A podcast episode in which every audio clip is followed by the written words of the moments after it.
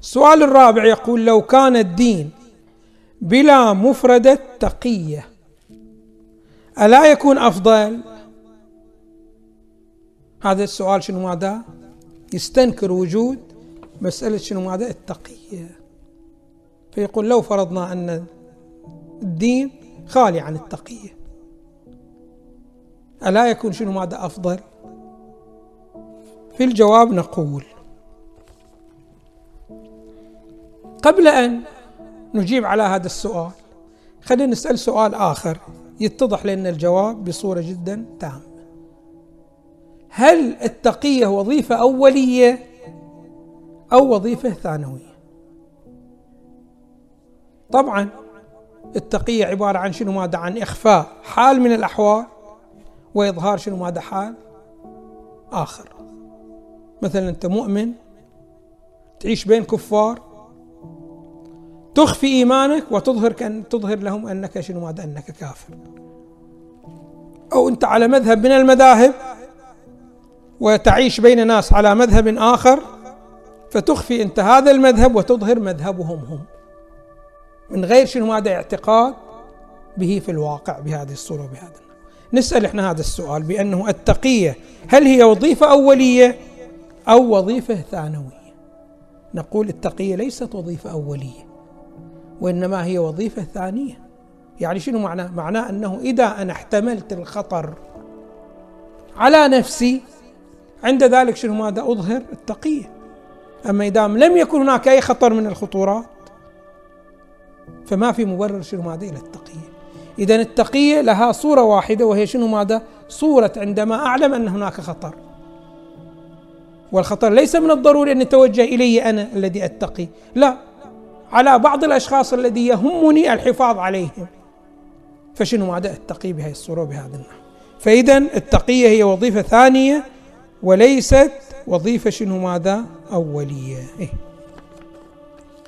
فهنا عندما تقول شنو ماذا؟ لو كان الدين بلا تقية أقول لك تفرض شنو ماذا؟ مع وجود الضرر أم شنو ماذا؟ أم؟ ليس وجود ضرر في الحالة. إذا أقول تقول لي مع, وجود الضرر أقول لك وجود الضرر ضروري. فإن هذا أمر شنو؟ هذا إنساني الإنسان يتجه له. وإذا لم يكن هناك ضرر فلا تقية بهذه الصورة وبهذا النحو. ثم المفروض الذي يحاسب على التقية من هو؟ الذي يحاسب على التقية مو الشخص الذي يتقي. وإنما هو الذي أجبر الشخص هذا على أن على أن يتقي. هو ذاك الذي يجب شنو ماذا أن يحاسب على التقية فأنا إذا هددتك أنت شنو ماذا بخطر وأنت أخفيت هذه الحيثية. فمو أنت الذي تحاسب. لماذا؟ لأنه أنت هي التقية صارت ردة فعل منك. على فعل مني أنا. وعادة الذي يحاسب هو الفاعل الأول لو رد الفعل. الفاعل الأول هو الذي شنو ماذا يحاسب. فإذا كان هناك شخص لابد أن يحاسب في التقية فهو الذي أجبر هؤلاء أن يخفوا هكذا مسألة شنو هذا من المسائل للرجل أو الشخص شنو هذا المتقي. ثم نقول أن التقية هي مبدأ مو فقط للإنسان أو لخصوص مذهب من المذاهب أو أصحاب مذهب من المذاهب لا. أساسا التقية لكل حي ولكل ذي شعور. يتقي. إذا حس شنو ماذا بالخطأ. ابدأ شنو ماذا من الحيوانات. أنتم ما عندكم بعض الحيوانات. تغير لونها بلون البيئة. لماذا تغير لونها بلون البيئة؟ حتى تحافظ على نفسها. التقية أيضا شنو ماذا للحفاظ على فهذا نحو من أنحاء التقية في الحيوانات. المعلم. بعض الأحيان شنو ماذا يخفي بعض المعلومات على من؟ على تلميذه. لماذا؟ لأنه يخاف على تلميذه أن يقع في خطر من الخطورات. الحاكم على محكوميه كثير من الأمور شنو ماذا؟ ما يظهرها بل يظهر شنو ماذا؟ خلافه حتى يحافظ على شنو ماذا؟ على المحكومين بهذه الصورة وبهذا النحو فإذا شنو ماذا؟ التقية ليست مختصة بأصحاب مذهب معين وإنما كل شخص من الأشخاص لابد أن يتقي انت اي مسألة من المسائل ترى بأنه راح تتعرض للضرر وضرر غير مناسب لهكذا أمر. أنت مباشرة شنو ماذا تخفي شيء وتظهر شيء للأمان شنو ماذا من الضرر. فهذا أساسا شنو ماذا؟ وظيفة إنسانية.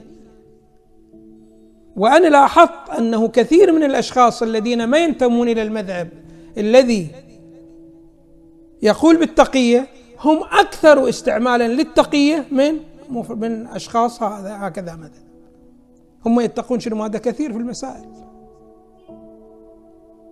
فكم من عالم أخفى معلومات حقه وأظهر معلومات خلاف ذلك ليحافظ على مسألة شنو؟ ماذا على دينه أو يحافظ على نفسه أو يحافظ على بعض المصالح أو يحافظ على بعض الشخصيات. فإذا التقية اولا شنو؟ ماذا ليست بسلبية في الدين. واضح شلون؟ لأنها شنو؟ ماذا مشروع إنساني ضد كل ضرر غير محتمل يترتب على إظهار الحقيقة فعليك أن تخفيها. وكما قلنا أن هذا الشيء جاري مو فقط في الإنسان أو في أصحاب مذهب معين وإنما لكل حي وذي شعور. وراح يبقى هذه المسألة مهما شنو ماذا اشتد المحاربون لها. لماذا؟ لأنها تنبع من علمية الإنسان. ومن شعوره بتقديم الأهم على المهم.